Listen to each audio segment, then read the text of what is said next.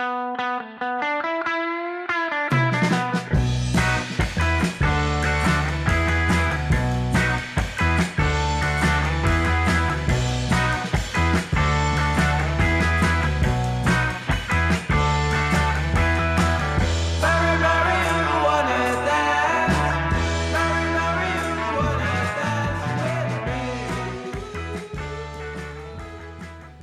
Welkom bij High Tea met Dirk en Rens, een podcast over cannabis en cannabiscultuur. Mijn naam is Dirk Bergman.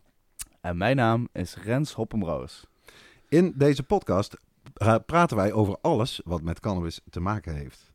En vandaag gaan we het hebben over de Cannabis Capital Convention in Amsterdam. Uh, hoopvolle berichten uit Duitsland. Uh, het Eerste Kamerdebat over de wietproef. En eh, eh, we gaan het ook nog hebben over 25 jaar Hempflex. Nou, we hebben echt een overvolle nieuwsrubriek, hè? want er zijn nog een paar items bijgekomen ook, geloof ik. Ook dus, dan nog eens, ja, ja, ja, Veel nieuws. Dat is natuurlijk het voordeel dat we een tijdje niet hebben opgenomen. Ik denk tien dagen of zo. Dus het nieuws stapelt zich op. En natuurlijk hebben we naast de nieuwsrubriek de andere vaste rubrieken in deze podcast. Wat zit er in je joint vandaag? De oude doos en vragen van luisteraars. Dit is High Tea met Dirk en Rens, aflevering 4. En zoals elke aflevering beginnen we met de rubriek Wat zit er in je joint vandaag? Dus uh, Rens, wat heb jij erin zitten op dit moment? Ik heb er vandaag uh, heerlijke, of nou heerlijke, dat mag ik niet meer zeggen, want dat vind ik alles. het is gewoon zo standaard. Maar, specifiek, uh, specifiek. specifiek. Nou, het is een hele, ik heb een Rolex OG van Devil Harvest Seeds oh, erin zitten. En dat is een, dat is een hele, hele fijne OG. Met een beetje piney, een beetje zoete nasmaak. Echt een, bij de, net zoals de nadronk bij wijn, weet je wel. Maar mm. eerst heb je lekker uh, heel de, denky koesie en dan de laatste zoet. En um, uh, met deze strain is volgens mij Devil Harvest Seed ook echt uh, wereldwijd bekend geworden. Ja, doorgebroken. Ja. Want in 2013 hebben ze hiermee de High, High Times Cup uh, gewonnen. Mm -hmm. En nou, ik, ik, moet zeggen, ik snap wel waarom in ieder geval. Het is echt, ja, ik ben zeer fan. Het is zeer fijn, fijn rokertje. Echt heerlijk. Echt heerlijk. heerlijk. Dirk, en wat zit er in jouw jointje vandaag? Nou, ik ben nog bezig met hem te bouwen. ik heb het hier in een kleine jampot uh, zitten. Een Gorilla Glue alweer van mijn eigen balkon. Maar wat ik inderdaad meestal doe is de kleinste topjes, die uh, doe ik in een apart potje, want die zijn iets sneller droog. En die andere, uh, de grotere toppen zijn nog heerlijk aan het, aan het curen. Ja, Gorilla Glue, ik denk dat veel mensen, veel luisteraars zullen die strain wel kennen. Ik heb die, de plant gekregen van een, een vriend in Friesland. Dus die was al een heel eind toen ik ermee begon, zeg maar, in maart, maart, april. En geweldig. Was eigenlijk qua, qua vorm zou je kunnen zeggen de mooiste plant die ik dit jaar uh, had. Het was een perfecte verdeling van takken, mooi vol toppen en zo. En de, ja, op de kleine topjes afgaand, die heb ik al een paar uh, gerookt, is het ook wel echt, het ruikt goed. Het, uh, ja, het komt eigenlijk wat je kent van Gorilla Glue, maar dan onder de Hollandse zon. En ja, dan heb je toch alvast een kleine indicatie natuurlijk wat je wil roken. Ja, precies. Um, maar ook qua ziektebestendig en dergelijke, hoe heeft hij het gedaan eigenlijk? Dat uh, was ook wel erg goed om te zien. Ja. Helemaal geen schimmel, helemaal geen meeldauw. Want met name meeldauw, ik weet niet of dat hier uh, in, aan de Eindhovense lucht uh, ligt. Of dat alle buitenkwekers ermee te maken Maar dat is toch vaak een probleem. Dat je, als het wat kouder wordt en wat natter. Dat, dat je dan ineens die witte, dat er ineens lijkt alsof er iemand poedersuiker over een paar blaadjes heeft gestrooid. En dan weet je als buitenkweker, oh, meeldauw. Uh, daar heb ik op zich wel een tip voor. We hebben nog geen. Ik wou net vragen, inderdaad. We, hebben geen grow, grow tips rubriek, maar uh, die, die strooien we gewoon af en toe uh, door de uitzending. als je één deel melk en tien delen water doet in een plantenspuit en je spuit dat op je blaadjes, dan kan je meeldauw grotendeels voorkomen. Dus dan moet je het eigenlijk doen voordat je de eerste tekenen ziet. Maar ook als je er vroeg bij bent, dan, dan krijg je daarmee wel weg. En hoe dat precies zit, weet ik niet. Ik denk dat iets te maken heeft met zeg maar, de pH, de zuurgraad van die blaadjes. Hè, wat eh, wat uh, die daar niet zo fijn vindt. Maar dat doe ik zelf als ik zeg maar, uh, zie van, oh, het begint met meel, dan doe ik even de melkspray. En dat werkt goed. Dat is natuurlijk 100% biologisch. Dat is het voordeel. er wordt veel gepraat over bestrijdingsmiddelen. met wietproef bijvoorbeeld, komen we daar nog over te spreken. Maar als je dit soort uh, ja, typische huishoudachtige dingetjes, die zijn volstrekt biologisch. En dan weet je dat je geen uh, rare chemicaliën natuurlijk op je wiet hoeft te spuiten. Dus ja, je kan het zonder, uh, zonder azelen ook gewoon roken. Zonder ja, is geen probleem. te maken. Geen probleem. Het is wel zo, dat moet ik even erbij zeggen. Kijk, je, je wil niet dat... Kijk, die melk die zou je kunnen proeven. Dus je wil dat het nou wel een keer goed regent. En als het niet regent, kan je dat zelf doen met gewoon schoonwater en een plantenspuit. Maar je moet het er op een gegeven moment wel afspoelen, om het zo maar eens te zeggen. En, maar dat kan. In Nederland regent het zeker in de herfst vaak genoeg. we kijken nou naar buiten en het is enorm smerig weer. Echt vies weer, ja. Gelukkig zitten we lekker hoog en droog. Dat is, nou, in ieder geval fijn en welkom weer bij de uitzending. En, uh, ja, we zijn er eventjes uit geweest, hè? Drukte, drukte. Ja, we hebben natuurlijk ook meerdere dingetjes te doen. En dit is natuurlijk wel, ja, het is natuurlijk een extraatje. En ja, nou daarom is het ook twee keer, of om de twee weken. dan hebben we in ieder geval de tijd voor. En dan uh, kunnen we op elk moment dat we willen, kunnen we er tijd voor maken ook in ieder geval. Dus, uh, en dan is er ook genoeg om over te praten. Ja. En dat geldt zeker voor deze vierde aflevering van High Tea. Er is genoeg gebeurd in deze tien dagen in ieder geval. ik zou zeggen, laten we beginnen in ieder geval met, met, met de Capital de, sorry, de Cannabis Capital Convention. En daarbij wil ik jou sowieso nog feliciteren. Want je bent legalizer van het jaar geworden. Ja, dat eh, klopt. Een ja. heel nieuwe prijs, moet ik zeggen. De vorig jaar waren er nog geen prijzen bij de eerste editie. Maar uh, ik vond het heel leuk en heel eervol om zo'n uh, zo'n prijs te krijgen. Veel mensen vragen aan mij, is daar ook dan een geldbedrag aan verbonden? Nou, ik kan jullie geruststellen, nee. Het is een mooi glazen ding wat ik hier op de tafel heb staan. En dus dat is leuk. Maar er, zit geen, er is geen geldbedrag aan, aan verbonden. Nee, die Cannabis Capital ja, Convention. Dat eigenlijk? Voor, ja, vorig jaar was de eerste. Uh, die was in het iFilm Museum, zullen mensen wel kennen in Amsterdam. Dat iconische gebouw, zeg maar, tegenover het station aan de andere kant van het ei. Echt een geweldige locatie, moet ik zeggen. Het was een prachtige zaal waar we toen zaten. Was, vorig jaar was ik er ook. Dit jaar denk ik dat het programma eigenlijk wat sterker was. En de locatie was veranderd naar het Compagnie Theater. Uh, voormalige kerk, notabene, op de Kloveniersburgwal in Amsterdam. Ook heel mooi, sfeervolle plek. Met een mooi café ook erbij en uh, noem maar op. Uh, en een heel mooie mix. Ik heb er een column ook over geschreven deze week. Eigenlijk een mix van inderdaad commercie, finance, cannabiscultuur en een scheutje activisme. Want dat vind ik wel leuk. Michael Kraland, de grote man eigenlijk achter deze conferentie. Die heeft wel degelijk oog voor de, de rol en het belang van activisme in dit hele verhaal. Uh, het feit dat zeg maar, al die mensen die, die nu investeren en die mooie winsten maken, op wat voor manier dan ook met legale, in de legale cannabisindustrie, die hadden dat natuurlijk nooit kunnen doen als allerlei activisten uh, de afgelopen halve eeuw niet keihard uh, hadden gewerkt daaraan. En soms met gevaar voor lijf en leden. Dat geldt dan misschien meer buiten Nederland dan binnen Nederland. Maar goed, daar is enorm veel werk verricht en, en dat is bijna allemaal gratis. Uh, dus ik heb zelf uh, altijd zoiets van, kijk, zolang mensen... Ik heb niks tegen mensen die geld verdienen met wiet. Ik vind het helemaal prima. Taart is groot genoeg. Uh, maar twee dingen denk ik dat daarbij heel cruciaal zijn. En dat is ten eerste dat, je, dat, dat thuissteelt legaal mogelijk is. Dat jij altijd als consument zelf je planten kan telen. En ten tweede dat op die markt altijd ruimte blijft voor veel aanbieders. Kleine aanbieders, grote aanbieders, noem het allemaal op. Craft cannabis.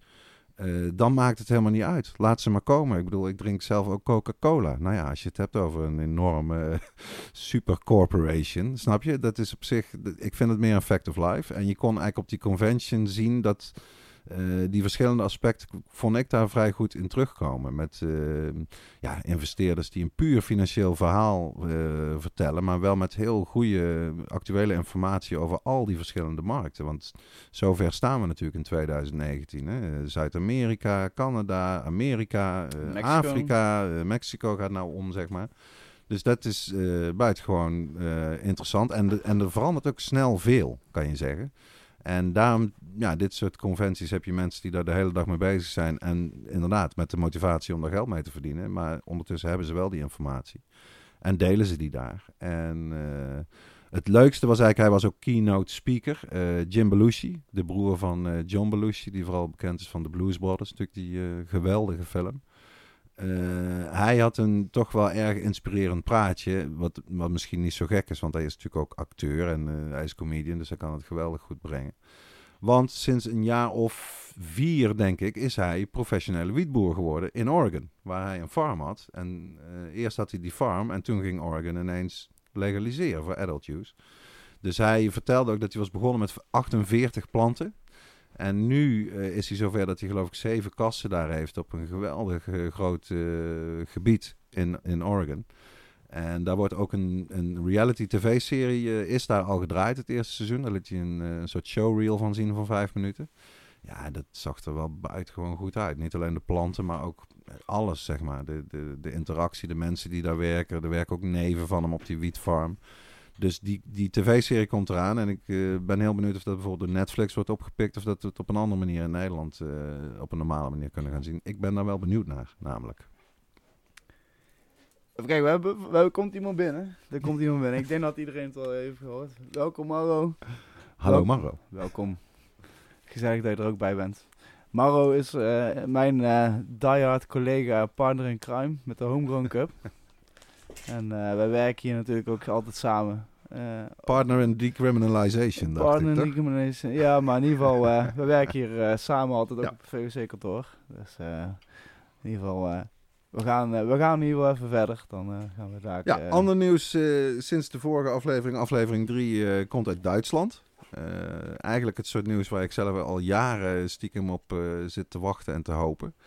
En dat is namelijk dat de CDU slash CSU, dat is zeg maar de Duitse versie van het CDA, eh, de partij van Angela Merkel, staat ineens in de krant dat die al twee jaar bezig zijn met plannen voor decriminalisering van cannabis voor recreatief gebruik in Duitsland. Voor de hele keten. En zelfs, kijk, de CSU, dat is zeg maar de, de, de, de, de zusterpartij uit Beieren, wat een nog veel strengere partij is in feite en nog conservatiever dan de gewone CDU. En zelfs die uh, slaan ineens een totaal andere toon aan, kan je zeggen. Uh, waarom? Weet je dat eigenlijk? ik denk dat zij gewoon kijken naar de rest van de wereld natuurlijk. Hè?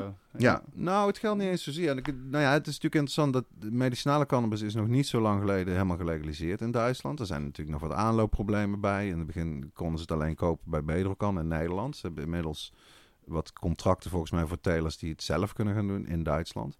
Maar dat is natuurlijk een belangrijk uh, gegeven wat je ook in veel andere landen ziet. Het begint toch met medicinale cannabis. En als dat er een tijdje is, al is het maar omdat mensen dan ook snappen van... hey, er is toch, die plant is toch wat anders dan wat ons uh, vaak wijs wordt gemaakt, zeg maar. Dat daarna legalisering of in ieder geval decriminalisering en regulering van adult use, zoals dat in Amerika noemen, dus voor niet-medicinaal gebruik, komt in ieder geval snel op de agenda. Maar het interessante in Duitsland is dat in die berichtgeving over deze koerswijziging, want zo kan je het toch wel noemen, uh, wordt ook benadrukt dat, dat, dat deze partij van Merkel is de laatste grote partij in Duitsland die tot nu toe nog niet voor legalisering was. Dus alle andere grote partijen, de SPD, dat zeg maar de Partij van de Arbeid van Duitsland, uh, die Linke, uh, vier grote partijen die ze hebben naast de Partij van Merkel, die waren allemaal al voor legalisering. Dus als nu ook Merkel omgaat, of haar partij, ja, dan zou je zeggen dat eindelijk die Berlijnse muur van het cannabisverbod daar uh, in elkaar gaat storten. Misschien uh, gebruikt ze zelf als CBD-olie. Je, dat zou maar zo kunnen. Wat, wat ook interessant is, is dat uh, zij komt natuurlijk uit Oost-Duitsland. En in Oost-Duitsland heel anders dan in West-Duitsland is hennep met name gewoon altijd doorgegaan tijdens de communistische periode. Dat geldt bijna voor het hele Oostblok. Dat zie je nu ook, en nog steeds Oost-Europa. De, de wortels zijn daar heel diep, letterlijk en figuurlijk, van de hennep. Eh, dat doen ze al ontzettend lang. En dat is niet uh, uitgestampt door de communisten op de manier waarop dat in het Westen is gebeurd. Uh, de, ik geloof dat in de, in de Sovjet-tijd waren ook medailles, zeg maar, die werden uitgegeven aan de beste hennep-farmer uh, in, in de Sovjet-Unie of in het Oostblok. Dus dat zou ook nog wel eens in het achterhoofd kunnen zitten bij Merkel. Dat ze weet, ja, het is wat ze in Duits eine Nutzpflanze noemen. Een nuttige plant. Een plant waar je van alles mee kan doen. En dat is ook zo. Hè? Ja, en, en, en, ze hebben geen uh, last van de remmende voorsprong natuurlijk daar in Duitsland. Ze kunnen meteen door. Uh, Absoluut. Ja, dat, is, ik, dat zie je in alle landen wel. Veel minder stigma.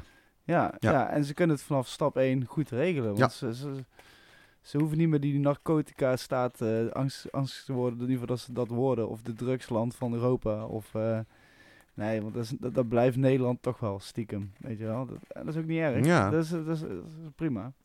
Maar inderdaad, als Duitsland gaat, uh, Luxemburg gaat, ja. Frankrijk moeten is we dan nog aan praten. Spanje zijn, zijn, ze al, zijn ze ook al redelijk ver. ja, het begint er wel steeds mooier uit te zien in ieder geval. Elk, elk, elk half jaar heb Finland gaat volgens mij een referendum komen nou voor decriminalisering van cannabis. Waar ik gisteren nog over sprak met een, Finse activist, notabene in Amsterdam, Alexi. En die, was, die was daar erg opgewonden over. En met recht, want ook daar is het toch weer ja, een doorbraak richting de goede kant op, zeg maar. dus je hebt gelijk. Overal ter wereld gebeuren nu dit soort dingen. Heel fijn. Maar in het noorden gaan ze, daar, zijn ze behoorlijk streng, toch? In Zweden en in... Uh... Met name Zweden. Veel mensen weten dat ook niet. Het land van Pippi Lankhuis denk je dan toch? En vroeger het land van de porno. Ook veel uit Zweden. Maar wat hun drugsbeleid betreft is het bijna, ik denk eigenlijk het, nou, het achterlijkste beleid van heel Europa op dit moment zou je toch kunnen zeggen. Het meest repressief. Uh, zij gebruiken bijvoorbeeld die tactiek dat als je met een half jointje wordt gepakt, dat je kan kiezen of drie maanden de gevangenis in of een cursus bij de verslavingszorg. En uh, raar, raar, waar kiezen de meeste mensen voor? En dan komt er in de krant te staan van... Goh, er zitten zoveel jongeren die zitten bij de verslavingszorg voor hun cannabisproblematiek. Dit soort uh, achterlijke tactieken. Dus de, in Zweden met name, daar is nog wel veel uh, veldwerk te verrichten, ja. Nou, we houden het in de gaten. We houden het in de gaten. Sowieso. Ja, laten we ook maar eens even praten over wat er dus twee dagen geleden is gebeurd. Ook wel zeer interessant en belangrijk voor de Nederlandse cannabiscultuur het debat in de Eerste Kamer over de wietproef, uh, het gesloten koffieshopketen experiment. Ik stel voor dat we er niet al te lang over gaan praten, want het was weer wel een, eigenlijk een bedroevend uh, nou ja, niveau. Ja, ja ik, ik moet zeggen, ik heb het niet helemaal zitten kijken. Ik heb van, was lang, hè? Ik heb van kwart over zeven tot uh, half negen zitten kijken, okay. omdat ik daarvoor moest werken. En daarna uh, hadden ze die pauze even, daarna ben ik ingetuned. Ehm, ja, ik heb echt wel met flapperende oren af en toe geluisterd naar wat die mensen af en toe zeiden. En één ding schrok ik echt heel erg. Toen dacht ik van, nou, is dit nou het niveau van de politiek uh, hedendaags? Mm. Ik weet niet meer wie het was. Dat volgens mij... Waarschijnlijk Ton Rombouts van het CDA, want die vond ik zelf ook echt... Nou ja, ik, ik, ik, als ik het zeg, denk ik dan weet je wel wie het zegt. Maar die begon over dat hij dan iemand kende super uh, slimme kerel, had master afgemaakt en goede studies. Maar in de tussentijd ging hij ook naar de koffieshop. En nu is hij dood. En rookte daar de devil's weed. Ja, en maar gewoon, gewoon van, van uh, omdat Ja, ik heb een stukje volgens mij ook gehoord, was iemand van de PVV. Echt? Ja. Oh, je kon duidelijk zien, uh, dat wisten we natuurlijk al wat langer dan vandaag. Kijk, de christelijke partijen, de CDA, ChristenUnie en SGP, hmm. de gereformeerde mannenbroeders en de PVV, dat zijn de grote struikelblokken. Die houden echt alles tegen wat, wat betreft beter cannabisbeleid, wat betreft wietproef, wat betreft regulering. Uh, die blijven met hun kop in het zand zitten, zeg maar. En dat kon je weer duidelijk zien tijdens het Eerste Kamerdebat Vulde jou nog dingen op waar je denkt van nou... Nou ja, wat grappig was, er waren denk ik wel vier uh, maiden speeches. Voor mensen die niet weten wat het is, een maiden speech, dat is als je voor de eerste keer spreekt, zeg maar, als eerste of tweede Kamerlid. En uh, dat was met een aantal mensen aan de hand, omdat natuurlijk niet zo lang geleden de nieuwe Eerste Kamer is geïnstalleerd. Dus onder andere Boris Dietrich, die mensen misschien nog kennen uit de Tweede Kamer van D66. Die had zijn maiden speech uh, tijdens dit debat. Uh, en dan gaat de voorzitter altijd even uitweiden over uh, het cv van degene die zijn mede speech heeft gehouden. Dus, oh, u was burgemeester nog geworden in Nijkerk en u had een tramlijn aangelegd in Zwolle en al deze boeiende informatie. Allemaal tijdens het debat. Dus dat houdt wel een beetje, haalt een beetje de vaart eruit, zou je kunnen zeggen. Dietrich begon veelbelovend, wat mij betreft, met een herinnering die hij had aan uh, Sarazani, de allereerste koffieshop van Nederland. Hij zei, ik zat op school in Utrecht en op een dag zei de leraar, jongens aan de Oude Gracht is een koffieshop geopend. Daar, worden, daar wordt stuf gerookt en stickies. En ik verwacht dat geen van mijn leerlingen daar ooit binnen zal gaan. En vervolgens vertelde Dietrich dat hij dus natuurlijk het weekend daarna met zijn vrienden daar uh, ging kijken uh, hoe dat eruit zag. Maar daarna eh, zakte zijn bijdrage op mij betreft een beetje in en ging het over dingen als... Hebben de ministers rekening mee gehouden dat de georganiseerde criminaliteit met geweld kan reageren op de wietproef en misschien wel brand gaat steken bij de telers of de coffeeshops? Dat ik echt denk, ja, is dat nou jouw bijdrage als D66? Hè? En uh, ja, daarna ging het een beetje van kwaad tot erger met uh, de christelijke drugswoordvoerders in de Eerste Kamer. Met name dus Ton Rombouts, uh, ex-burgemeester van Den Bosch, notabene. Wat een regenteske figuur. die de ene leugen naar de andere ook oplepelde over de 80% export. en over de THC die zogenaamd gestegen zou zijn, maar die eigenlijk al jaren stabiel is of daalt, maar in ieder geval niet omhoog gaat. Nou ja, wat wij allemaal al kennen. Het was uh, redelijk tenenkrommend. En ik vond eigenlijk de beste in het debat nog wel de man van de Partij van de Arbeid, Jeroen Recour. Ook, die is ook net als Boris Dietrich, heeft ook in de Tweede Kamer gezeten en een aantal andere functies gehad ik vond dat hij er reëel in stond. En een uitspraak die ik me herinner uit het debat was dat hij zei... De gebaande paden zijn niet altijd de beste paden. En ik denk dat we dat in Nederland... Dat mogen andere, andere mensen daar in die Eerste Kamer zich... ja, dat zouden ze zich goed moeten realiseren, denk ik. Ja, ja, precies. Ik moet wel zeggen dat minister Bruins, toch, denk ik, van, van Ja, dat viel best mee, hè? Ik, ik had, kreeg toch ook wel een beetje respect voor die meneer. Op een gegeven moment begonnen ze allemaal van die domme vragen hem te stellen. Zoals ook, uh, ja, worden de moedige moeders er hierbij bij betrokken? De moedige ja, moeders. Uh, ze, ze vroegen ook zo van welke functie, welke, uh, wat, welke ja, hoedanigheid worden de moedige, moedige, moedige moeders ja, betrokken bij dit experiment. En toen dacht ik, oké, okay, ik ben benieuwd hoe hij erop reageert. En toen zegt hij alleen maar van, ja, nou, we gaan we gaan er goed, uh, we zorgen in ieder geval dat de coffeeshops uh, allemaal goede preventiemaatregelen hebben en dergelijke. En that's it, weet je wel. Hij zei niks zo van, ja, en we gaan met moedige moeders in gesprek. Nee, gelukkig niet, want wij verkopen, of nu de coffeeshops verkopen niet aan kinderen. Precies. En, en, en ja, die moedige moeders, kom op.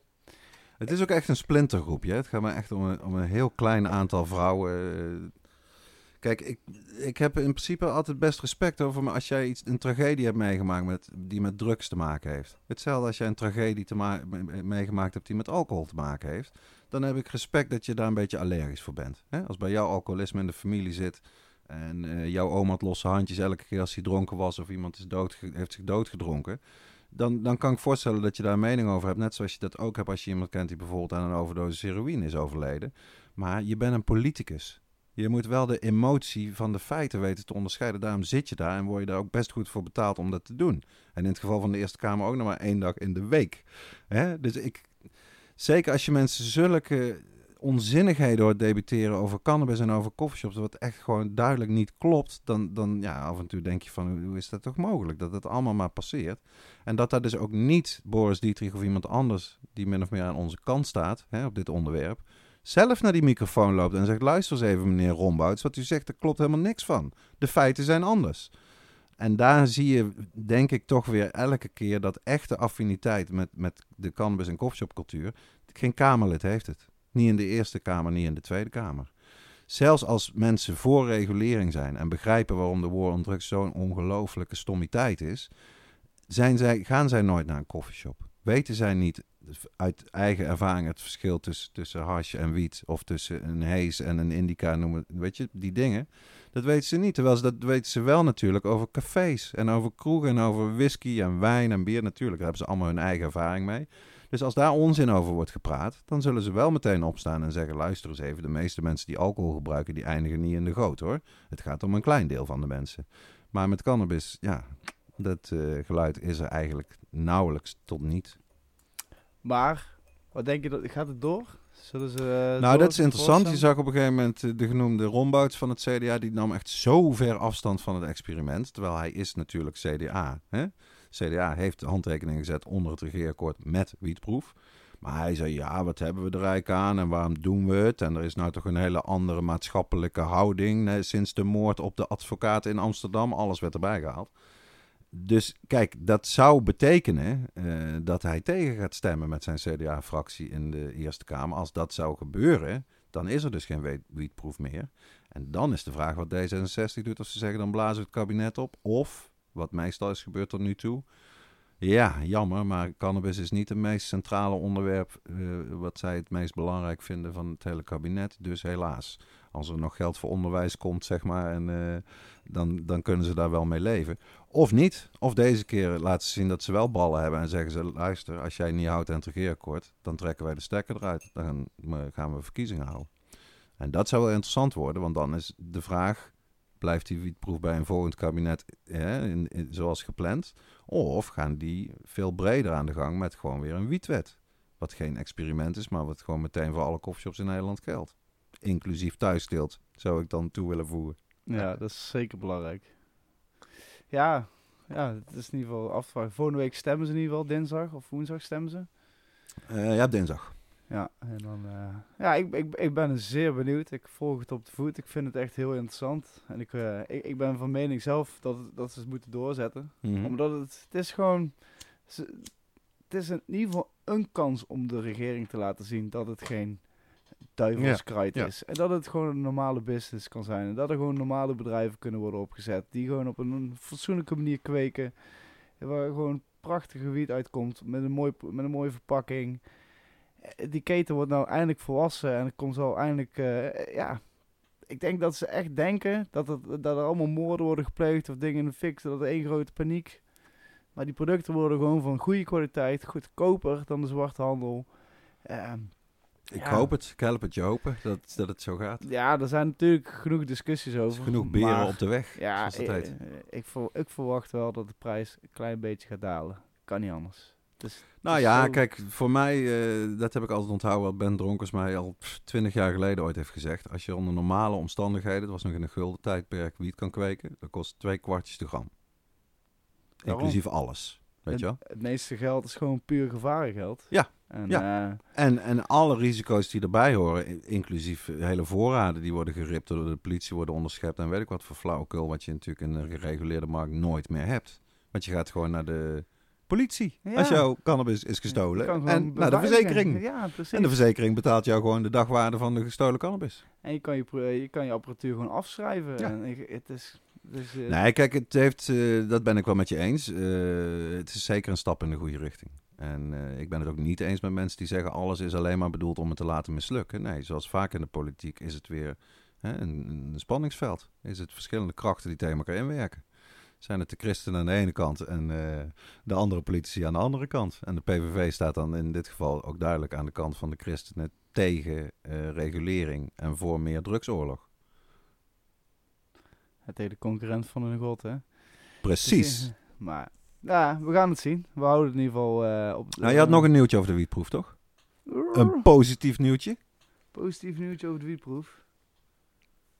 Project C, ja ja. Oh ja, ja shit, Die waren trouwens ook op die Cannabis Capital Convention met een hele presentatie. Was nog wel erg interessant om, te, om, om ook om, om te horen hoe zij er tegenaan kijken en met name ook hun tijdsplanning. Ze hadden gewoon precies gezegd van, dan krijgen we de vergunning, dan gaan de planten de grond in en dan is de eerste wiet klaar voor in de shops. En uh, ze zei ook tijdens de presentatie dat ze daar nog steeds in geloven dat ze die timetable ook gewoon gaan halen. En uh, ook daar, we, we, moeten het allemaal nog zien, maar het was interessant. Maar het nieuws was daar natuurlijk dat zij uh, konden nergens een bankrekening krijgen, wat natuurlijk absurd is. Project C uit Breda, dat is een huisarts, een advocaat en een ex-gedeputeerde van Provinciale Staten van de SP. Dus dit zijn mensen die helemaal niets te maken hebben met de coffeeshop of de cannabiswereld, op wat voor manier dan ook, tot nu toe. Dus die, die zijn clean as a whistle. Om die een bankrekening te weigeren is inderdaad absurd. Dus ja, je bent advocaat of je bent het niet. Peter Schouten, een van het uh, driemanschap van Project C, die heeft gewoon een kort geding aangespannen tegen de ABN AMRO Bank om af te dwingen dat zij voor hun wietproject een bankrekening konden krijgen. En dat hebben ze toch vrij glansrijk gewonnen. En dat is goed nieuws voor iedereen die bezig is. Uh, ja, we kennen natuurlijk meerdere uh, mensen die bezig zijn. John en Ines, Stichting Joiners, vroeger uit Bierum. Uh, er zijn meerdere projecten, Avites, waar ik zelf uh, bestuurslid nog steeds van ben. Kom binnenkort ook weer bij elkaar om te gaan praten over, uh, over de wietproef en de, de, toekomstplannen. Zo zijn er meerdere initiatieven en voor al die initiatieven is het goed nieuws. Hè, dat nu zwart op wit duidelijk is. Tuurlijk moet je een bankrekening kunnen krijgen als je meedoet aan de wietproef. Hè? Ja, ja, je moet op een gegeven moment toch die mensen gaan betalen. Tja. Uiteindelijk, en, en het is natuurlijk heel goed dat hun die rechtszaak aanspannen. In plaats van dat het een koffieshophouder is of een uh, kweker of precies. een uh, Sjaak Kampsjaak, om maar uh, met alle respect te noemen. Maar gewoon een dokter. En meneer Schouten is goed van de tongriem gesneden. En een keurige, nette man. Dus dat kan ook voordelig werken. Ja. Het gaat, beeld, beeldvorming is toch, of het willen of niet, een centraal issue. als we het hebben over cannabis en cannabiscultuur. Hè, de clichés die er allemaal zijn en wat je daar tegenover kan stellen. Ja, inderdaad. Maar uh, ja, we houden het in ieder geval uh, in de gaten. Het is, uh, we zitten er bovenop. Ja, ik moet wel zeggen, project C, ik vind het wel, wel, wel echt een typisch voorbeeld van, van, oh, is het legaal? Oh, dan ga ik er wel geld mee verdienen, weet je wel. Die dat ah. nooit... Ik ken andere projecten die, die meer dat hebben dan project C, naar mijn inschatting. Oké. En uh, ik denk dat er wel degelijk een soort... Uh, kijk, zij moeten ontzettend veel leren. Dat is wel duidelijk. Ze hebben echt de ballen verstand van. Maar dat erkennen ze in ieder geval. En dan zeggen ze, en daarom huren wij externe deskundigen. En uh, nee, kijk, zo kijk ik überhaupt naar het, naar het hele wiet-experiment. Uh, geef het een eerlijke kans. Dat geldt ook voor iedereen die probeert om zijn teeltvergunning in de wacht te slepen. En ook voor de gemeentes en, uh, en noem maar op. Maar het is, het is, duidelijk dat er een heleboel regels en voorwaarden... ja, dat zou heel makkelijk veel beter kunnen. Ja. Dat, dat is duidelijk. Dat is zeker. Uh, Hemflex. Ja. Dat is ook nog wel een dingetje. Van, uh, wat is Hemflex? Ja, dat wilde ik net vragen eigenlijk. Wat de hel is uh, Hemflex? Ik vind het altijd een schitterend verhaal hoe Hemflex is ontstaan. ben Dronkers, de naam is al gevallen. De man van Sensi Seeds en het Hashmuseum. Vroeger coffeeshops. Nog eentje is er. Sensi Smile in Rotterdam die heeft geleerd onder andere van Jack Herrer zelf en van Ed Rosenthal over de hennepplant. En uh, tot op dat moment wist hij over cannabis en over roken en over high worden en over pijpen en noem het allemaal op. Maar hij wist eigenlijk nog niks over hennep. En alle producten die je van hennep kan maken, dat het goed is voor de grond, dat er geen pesticiden nodig zijn voor hennep, dat het veel minder water kost dan, dan katoen, al die voordelen over de hennepplant. Dat had hij daar geleerd. Dus voortaan, bij elk interview wat hij gaf, vertelde hij die journalisten: Hennep kan de wereld redden. Hennep is een geweldige plant. Je kan 25.000 producten van maken. Je kan er benzine van maken. Plastic kan je ermee vervangen, alles. Dus dat vertelde hij elke keer. Uh, tot er op, bij een van die interviews was een slimme journalist. Want die stelde een tegenvraag. En die zei: Maar meneer Dronkers, als dat allemaal waar is wat u hier beweert, waarom Bent u zelf dan niet met hennep bezig? En dat was een vraag die bij Ben zeg maar door zijn hoofd bleef spoken. Uh, totdat hij 25 jaar geleden dacht, die man heeft gelijk. Ik moet het zelf gaan doen. En toen is Ben als echt, ik denk gewoon de allereerste in Nederland in de moderne tijd, hè, na de Tweede Wereldoorlog. Die is begonnen met gewoon probeer maar hennep weer uh, te introduceren in Nederland. Zet de velden maar vol. In Oude Pekela in het noorden van het land. En hij heeft met name die eerste jaren alleen maar verliezen gedraaid. Echt miljoenen verliezen. Want ten eerste, bijna alle kennis was natuurlijk verloren gegaan over hoe doe je dat en wat voor soort zaden en uh, wat voor soort ruimte ga je doen als je gaat zaaien tussen de zaden. Al dat soort praktische kennis, die was bijna verdwenen in Nederland. En dat was zeker ook zo voor alle machines die je normaal gebruikt hè, om landbouwgewassen mee, uh, mee groot te brengen en te oogsten. Dat moest het wiel moesten ze met alle dingen moesten het opnieuw uitvinden. Dus ik herinner me een keer dat ik ook bij, hun, uh, bij Hemflax was in de oude Pekela. Stel je voor een enorme hal, waar, waar gewoon wel tientallen, misschien wel honderden soort landbouwmachines staan. Die zij allemaal zelf eigenlijk verbouwen, uh, andere dingen erop zetten, zodat ze het kunnen gebruiken voor hennep. Echt pionieren, kortom. En uh, afgelopen week, afgelopen weekend vierden ze dus hun 25 jaar bestaan. En de laatste jaren worden er wel degelijk zwarte cijfers geschreven bij Hemflax. Maken ze gewoon winst. Hebben ze ook een fabriek in Roemenië en daar hebben ze heel veel hennep staan, veel hectare. En, want hennep is natuurlijk uh, nog steeds stijgende uh, voor al die toepassingen waar je het voor kan gebruiken. Een van hun hits is bijvoorbeeld strooisilver in paardenstallen.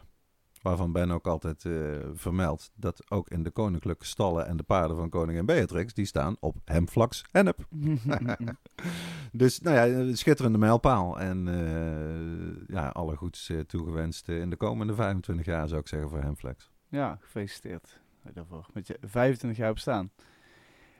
nou nog twee buitenlandse berichten. Klein, maar fijn. Maar toch weer ook hoopgevend voor de toekomst. Uh, ene is uh, dat ik las in de High Times dat ze weer, of nou, dat ze bezig zijn, of in ieder geval zijn erover na aan het denken, om cannabis consumption, consumption lounges te openen in oh, Canada. Ja. Edmonton. ja, en daar is een burgemeester, of in ieder geval daar ook over aan het praten. En ja, dat is iets waar bijvoorbeeld in Nederland nou weer terug aan dringen. Ja. Er zijn daar nou over aan. Het is een beetje omgedraaide wereld tegenwoordig.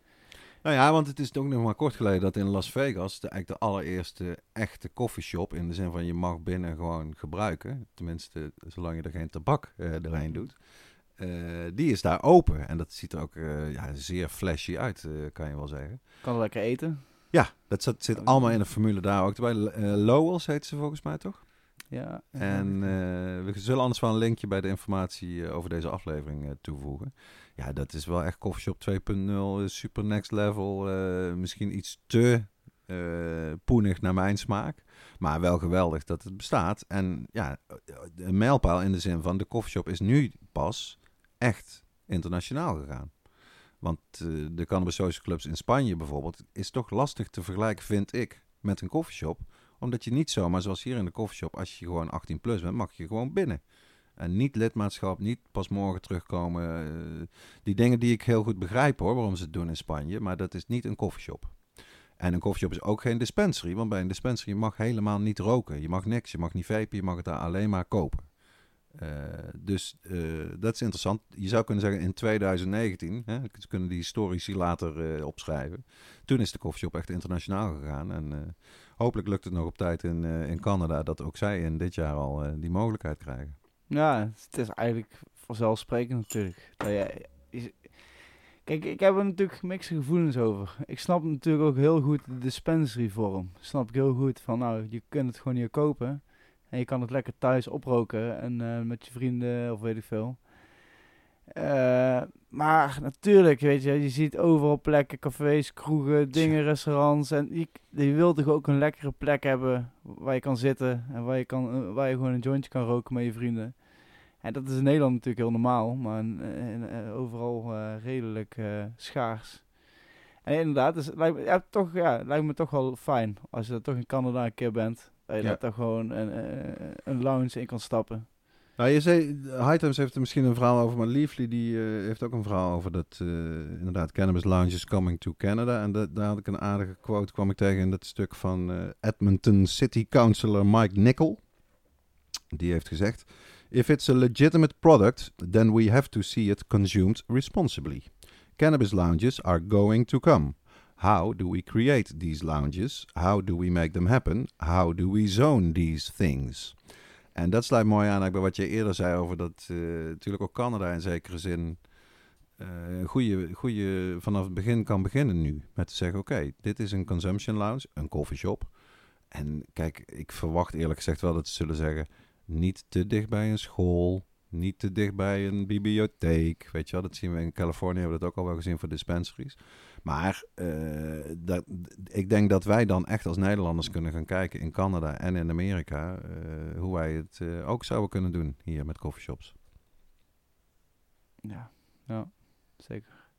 Ja, ja, ja ze pakken het gewoon meteen vanaf, ja, gewoon goed aan. Ze, gaan het heel, ze kijken het heel redelijk aan, hopelijk. Ze kijken naar de feiten en wat nou goed is, of, of dat het nou problemen echt oplevert, ja of nee. Ja. Het is alleen natuurlijk wel wat uh, dat je met personeel natuurlijk hebt, dat het personeel in de rook staat. Dat is gewoon, uh, en met puur heb je dan natuurlijk al wel, is het wel beter dan met de bak mhm. allemaal. Mm. Is dat wel een voordeel? Nou, ik heb ook het idee dat die in Las Vegas gaat ook heel erg over eten. Je mag wel vapen daar, zeg maar, binnen. Maar het gaat ook heel erg van uh, infused, weet je wel. Infused dinners. En precies, dat dat allemaal erbij zit. Maar ook dat je daar gewoon whatever, alle producten die ze verkopen uh, waar THC in zit, zeg maar, die kan je daar gewoon nemen en gezellig, gezellig, weet je Dus dat is wel, uh, nou ja, in Nederland hoor je af en toe die term al, hè, de tabaksvrije koffieshop. En uh, die is er nog niet, denk ik. Ik denk dat er nog geen één is in Nederland eigenlijk, die letterlijk tabaksvrij is. Maar ja, misschien is het wel the wave of the future. Ja, nou, ja, ja, ja. Kijk, ik werk zelfs ook, ik, ik werk zelf ook fulltime in een koffieshop. Dus ik weet uh, wat de voor- en nadeel is van als je nou, eh, als ze binnen roken. Natuurlijk, uh, het is gewoon, dat is, dat is het concept van de koffieshop. Dat je ja. daar lekker een jointje kan halen, koffie kan drinken, jointje erbij.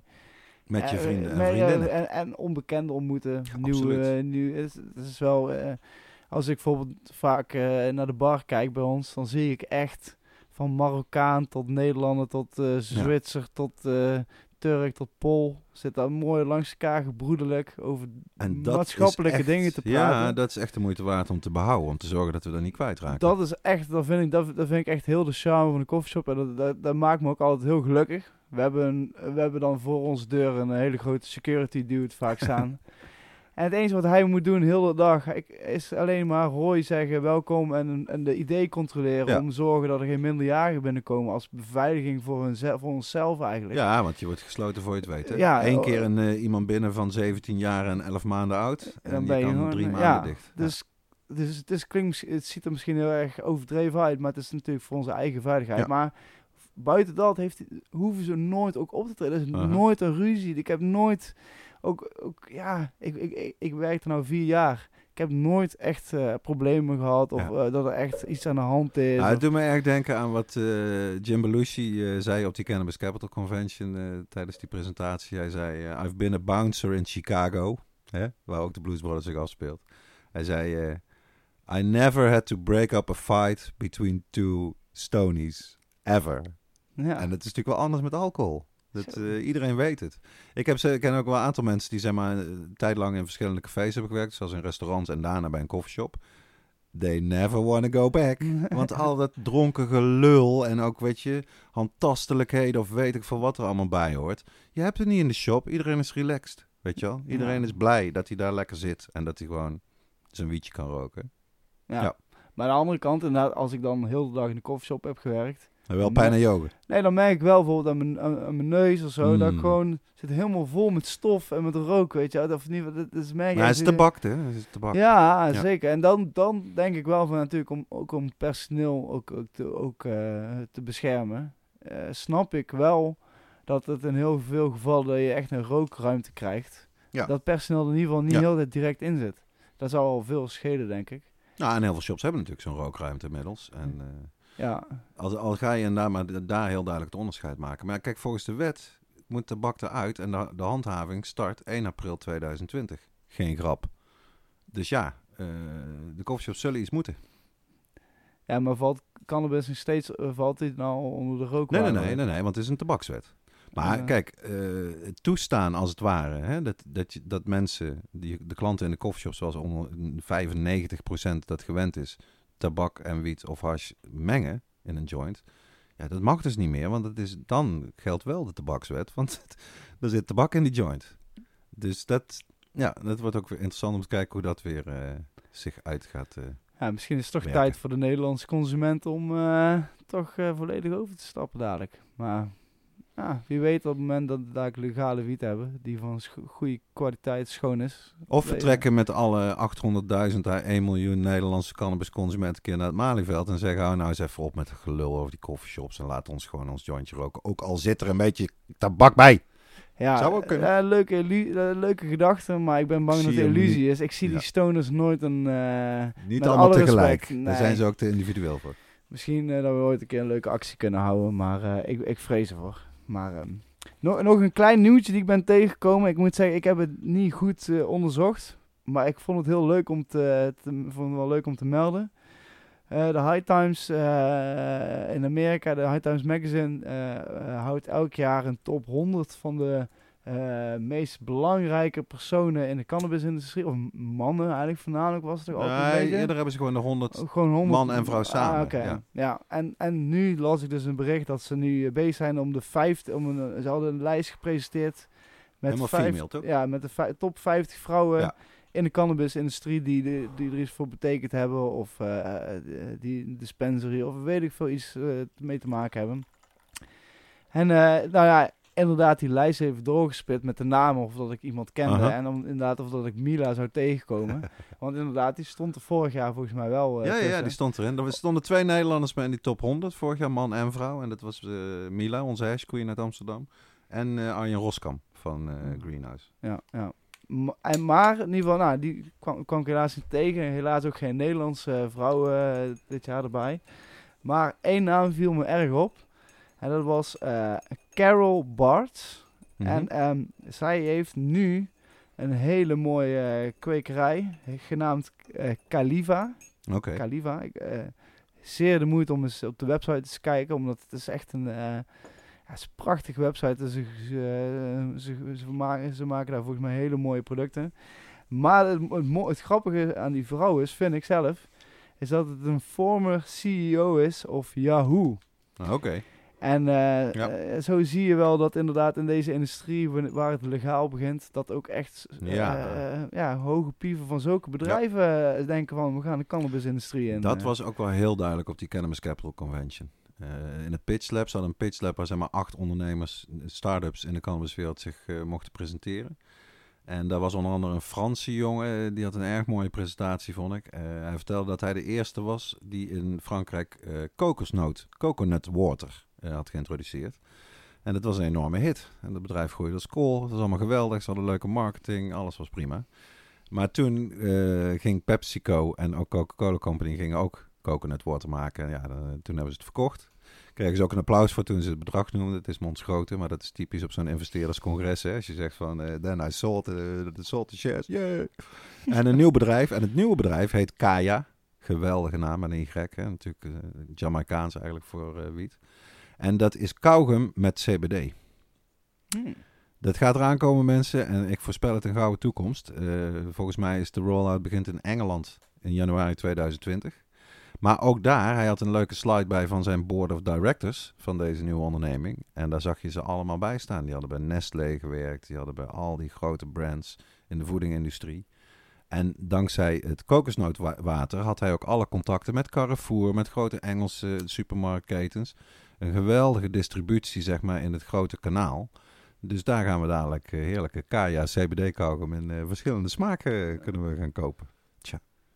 Ja, blij, blijft ons verbazen in ieder geval. Maar dat is wel echt een teken dat... de mainstream Dit is echt een pure vorm van normalisering. En, ja. ja, wat ook onze mensen in de Tweede Kamer hoe hard zo roepen. Ja, Dit is echt niet te stoppen. Kom op zeg. Ja, precies. Eigenlijk maar. Ja, in ieder geval hartstikke mooi. Zo, er was in ieder geval genoeg nieuws om te lullen. Dat was een lange nieuwsrubriek, ja. Uh, nog nieuws? Uh, nou, nog iets nieuws? Even niet meer. ik kan nieuws... Uh, nee, nee, iets ouds. Zeer interessant. Nou, inderdaad. We gaan van iets nieuws naar iets ouds. En jij hebt me ooit vroeger, vroeger, een aantal jaren geleden, wel het verhaal ooit een keer verteld. En het is, ja, het, het, is een zeer interessant verhaal. En ook wel een beetje... dit is echt een stukje geschiedenis van de cannabiscultuur in Nederland ja, in absoluut. de coffeeshops. Ik heb natuurlijk, uh, ja, ik ben 25 jaar bezig in die cannabiswereld, dus ik heb heel veel mensen al geïnterviewd. Maar dit staat mij nog steeds bij als een van de allerbeste en ook uh, ja, bijzonderste interviews die ik ooit heb gedaan. Uh, met de Kuluman, zoals ik het volgens mij ook in het interview, of in het stuk in Essentie, wat, wat ooit is verschenen, heb genoemd. Dat is een van de oprichters van Kulu Valley Traders, wat tegenwoordig gewoon Kulu Trade heet eigenlijk de allereerste groothandel in rokersbenodigdheden. Dus vloei, pijpen, uh, tipjes en chillums. Dirk, wat zijn chillums? Ja, chillum. Je komt hem niet meer zo vaak tegen tegenwoordig, maar dat is, een chillum is een, een, een, een pijp om hash mee te roken eigenlijk. Uh, recht, steen vaak. Uh, die gebruikt wordt met name in India. Vaak alleen maar in India, denk ik, die regio door sadhu's om heel veel hash te kunnen roken. En uh, je, het is, je moet het leren om te roken. Het is zeg maar best wel... Uh, je, doet het niet in één keer. En vaak gebruik je een soort, uh, zeg maar een, een servet of een, een, zakdoek erbij. Zodat je dat goed kan laten aansluiten op je, op je handen als je hem vasthoudt, die chillum. Die chillum steekt recht omhoog en dan zuig je eronder aan via je handen. Krijg je die rook binnen, zeg maar. En die chillum, dat is denk ik, dat, bestaat al duizenden jaren. Uh, dat is zeg maar echt een van de alleroudste manieren om, om hash te roken. Uh, en deze Koeleman, uh, in, het, in, het, in het artikel heb ik ook alleen zijn voornaam genoemd, Ronald heet hij. Die was er vroeg bij, zeg maar, in de jaren zestig. En die, die vond die chillums heel interessant. En, en hij had iemand, een, vriend van hem, die ging regelmatig naar India, toen al. late jaren zestig. Dus hij vroeg eigenlijk gewoon een keer van kan je niet voor mij wat chillums meenemen uit India? Want ik denk dat ik die hier wel kwijt kan. En zo is eigenlijk Kulu uh, begonnen. Wat tegenwoordig echt, het is een huge uh, bedrijf in Loosdrecht, ook internationaal. Uh, dat waren de eerste stapjes van Kulu. Dus ik heb, hij woonde toen in Blaricum, in een geweldig mooi huis kan ik me herinneren. En ik heb de hele avond met hem zitten praten. Nou, dat was de ene geweldige anekdote na de andere over zijn smokkelverleden in Afghanistan en dat hij in Marokko had gewoond een geweldig uh, gesprek. En op een gegeven moment, en dat is ook misschien wel de reden dat ik bij hem terecht kwam. Uh, het stuk heette destijds De Bewaarder van de Chillum. En ik had denk ik van iemand gehoord dat hij de grootste chillum van Nederland, zo niet van heel de wereld, in huis had. En dat sprak mij natuurlijk wel aan. Ik denk, dat wil ik zien. Uh, dus dat is denk ik ook de reden dat ik bij hem terecht kwam en dat hij al die andere verhalen ook vertelde. Maar ik heb nou, ik heb dat stuk teruggevonden in mijn computer. Het is van jaren geleden. Uh, ik denk dat het zeker 15 jaar geleden is dat ik die man sprak. Ehm, maar de passage over de chillum en, en, waar die vandaan komt en wat ze daarmee deden, die heb ik uitgekozen voor de oude doos van deze week. Daar gaat hij. Oh ja, het verhaal over die chillum natuurlijk. De Paradiso wordt verbouwd. Dat was vroeger een kerk. Ik was toen net van school af. De Paradiso is gebouwd door een aantal beeldhouwers en kunstenaars. Die hebben dat veranderd van kerk naar jongerencentrum. Tijdens die verbouwing zijn een paar van die beeldhouwers op het dak bezig. En ze zien daar een of andere zinken constructie staan. Een van die boys zegt: Als je dat ding afzaagt en je draait hem om, dan is het een gigantische chillum. Het was een ornament van het zinken dak eigenlijk. Dat hebben ze afgezaagd. Die vriend van mij, met wie ik die Afghanistan-trips deed, die kreeg dat ding in handen van die jongens. Hij was een van de allereerste stufdealers van Amsterdam. De eerste stuf werd verkocht op de Garia, een boot. En daar was hij ook. Hij heeft verschillende voornamen, maar toen heette die Bobo.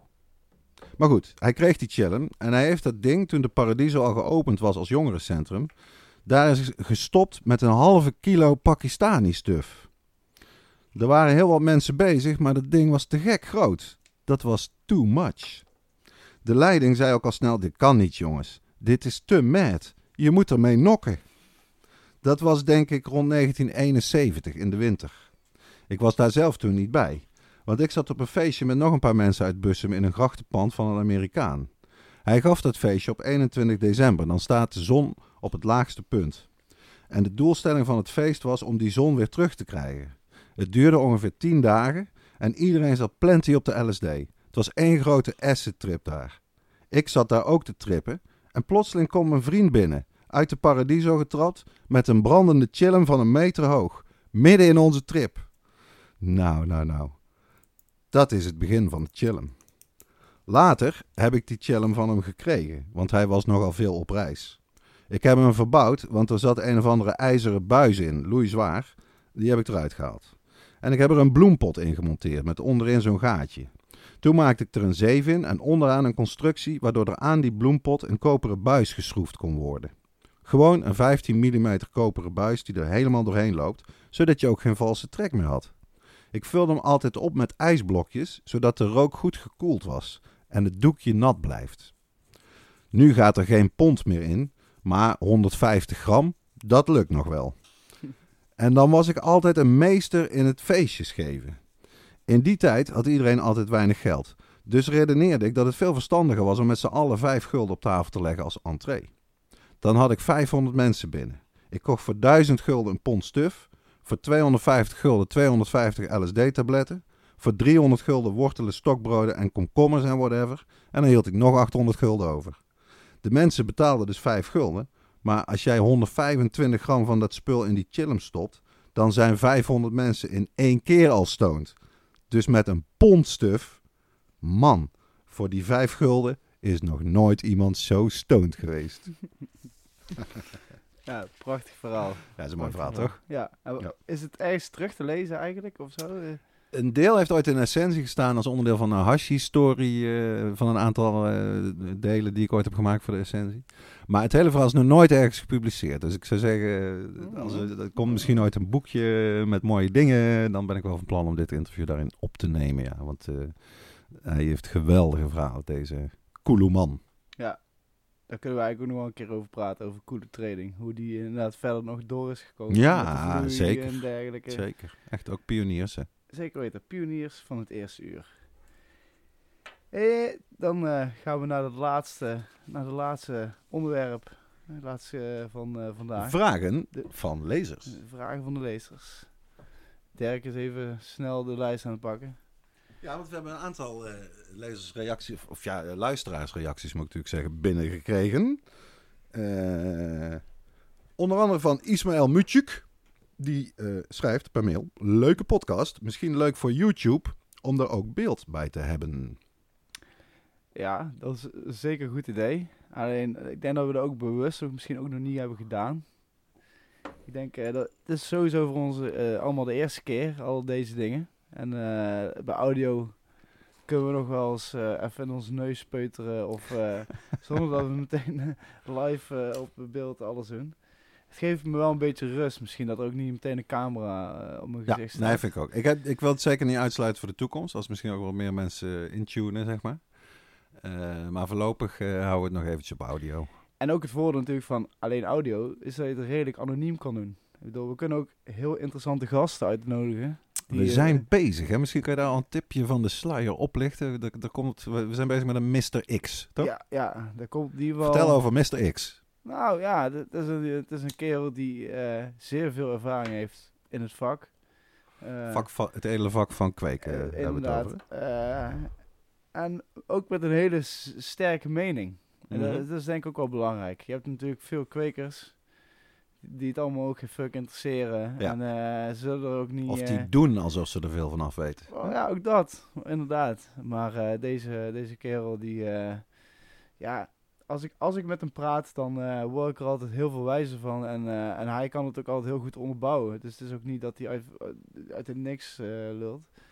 Dus uh, ja, uh, zeer interessante kerel. En binnenkort en, te gast in de High Tea podcast. Ja, ik ben even nog een beetje aan het masseren en zo. Maar kijk, zo iemand zou zeker niet komen als we er een webcam op hebben staan. Nee, dat nee, is hij duidelijk. is zeer anti-media eigenlijk. De echt goede kwekers zijn ook meestal de mensen die überhaupt geen enkele vorm van media doen. Maar dit is... Kijk, we kennen hem een beetje, dus, dus dat helpt. ja, dat scheelt. Terug naar de, de, de reacties van luisteraars. We kregen er eentje van Kevin Bakker. Leuk, ik volg hem. Ik zie dat aflevering 1 nog niet op Spotify staat. 2 en 3 zie ik wel. Uh, dat klopt, dat was een technische fout. Uh, en die heb ik opgelost uh, een aantal dagen geleden. Jazeker. Wow. Dus alle afleveringen, inclusief aflevering 0, onze testaflevering. Oh, ja. die, die, gewoon nog steeds erg leuk was, vond ik. Ja, die is allemaal te beluisteren op Spotify en Soundcloud. En natuurlijk ook op YouTube. Dus, een derde reactie kregen we van uh, Kim Vreker. Die schrijft: Nice. De nieuwsfeitjes over cannabis in de wereld heden ten dagen zijn ook erg leuk om te weten. Keep on going. Hartstikke leuke, ook positieve reactie. Ja, Heel fijn. daar zijn we zeker uh, blij maar mee. Ja, dit, stelt ons wel voor een dilemma. Ho even. Ik heb nog twee. Nog uh, twee. Er zijn nog twee reacties ook via Instagram gekomen. Oh ja. Het, eentje was dat we misschien. hij, hij kwam van onze collega af met een hele goede tip. Dat Mauro. ja, van Mauro Pickervet. Om het dus gewoon eens over, over het nieuwe systeem ah, van Leafly ja. te hebben. Die zijn helemaal afgestapt van het indica-statieve verhaal. En, ja. die, en ook een hele nieuwe grafische manier, hè, een grafische vormgeving om een strain zeg maar in één oogopslag duidelijk te maken wat je kan verwachten. Ja, ja dat is een Super hele goede. Dus daar gaan we gewoon de volgende keer over hebben. Aflevering 5. aflevering 5 gaan we. En misschien wil Mauro ook ons ons joinen. Special guest. Special guest, zou leuk zijn. Um, en uh, daarnaast vroeg, vroeg iemand of dat we het eens een keer over mineralen of over uh, organic gaan uh, hebben. Over, Qua kweken. Over, over ja. de afweging ervan. Mm -hmm. Maar dat denk ik Dat dus is ook wel echt iets voor Mr. X Precies, dat denk ik dus, dat, die gaan we bewaren voor die uitzending, die vraag. En daar zullen we het goed met hem over, dis over, over discussiëren en hebben. Maar goed, wij belonen elke aflevering de leukste uh, inzending of reactie met een, uh, een, gratis exemplaar van het mooie fotoboek van Steve Fleur. Uh, Humboldt Green Gold USA over de cannabis in Californië. Maar we vonden het erg moeilijk eigenlijk, want we vonden alle reacties zo leuk die we gekregen hadden. Dus uh, we gaan loten. Ja. Live en direct. Alle eerste K of alle de wietproef-experimenten. Ja, we hebben, we hebben de reacties in een, uh, in een Persische vers gedaan. En uh, Rens, die, ik ben hem aan het schudden. Ja, ik ga pakken. Rens, die gaat blind heen trekken. Zo eerlijk mogelijk. Voor de winnaar van de luisteraarsreacties. En We've got a winner. Boek, het boek van Steve Fleur van Humboldt Country oh, USA. USA. Uh, is gewonnen door Kevin Bauer. Hij heet eigenlijk Bakker. Gof, oh, ja, ik kan je handschrift niet lezen. Kevin Bakker. Ik, uh, ik ga contact mee opnemen. En ik ga zorgen in ieder geval dat het mooie boek, uh, fotoboek naar jou komt. En uh, dankjewel voor de opmerkingen, vragen, toevoegingen. ja, we worden er allemaal wijzer van. En leuke dingen in ieder geval om over te hebben voor volgende uitzendingen. Zeker. Je kan ons mailen hè, met reacties. Uh, podcast podcast met een t, at gmail.com. Of onderaan de YouTube of wat is er nog meer? Soundcloud. De Soundcloud. Instagram. Instagram. Onze Instagram is at podcast aan elkaar met een T, podcast.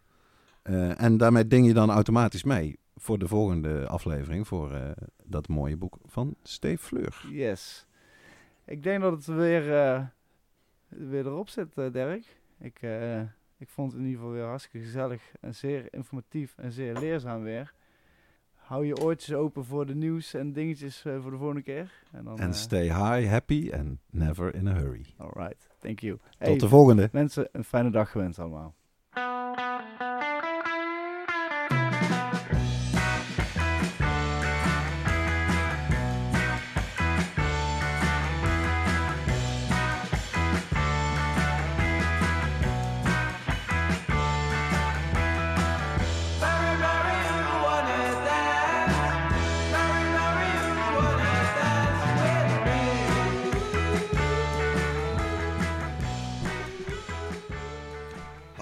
Met Dirk en Rens wordt gemaakt door Dirk Bergman en Rens Hoppenbrouwers. Onze tune is Wanna van Moon. Beluister de muziek via iTunes en Spotify.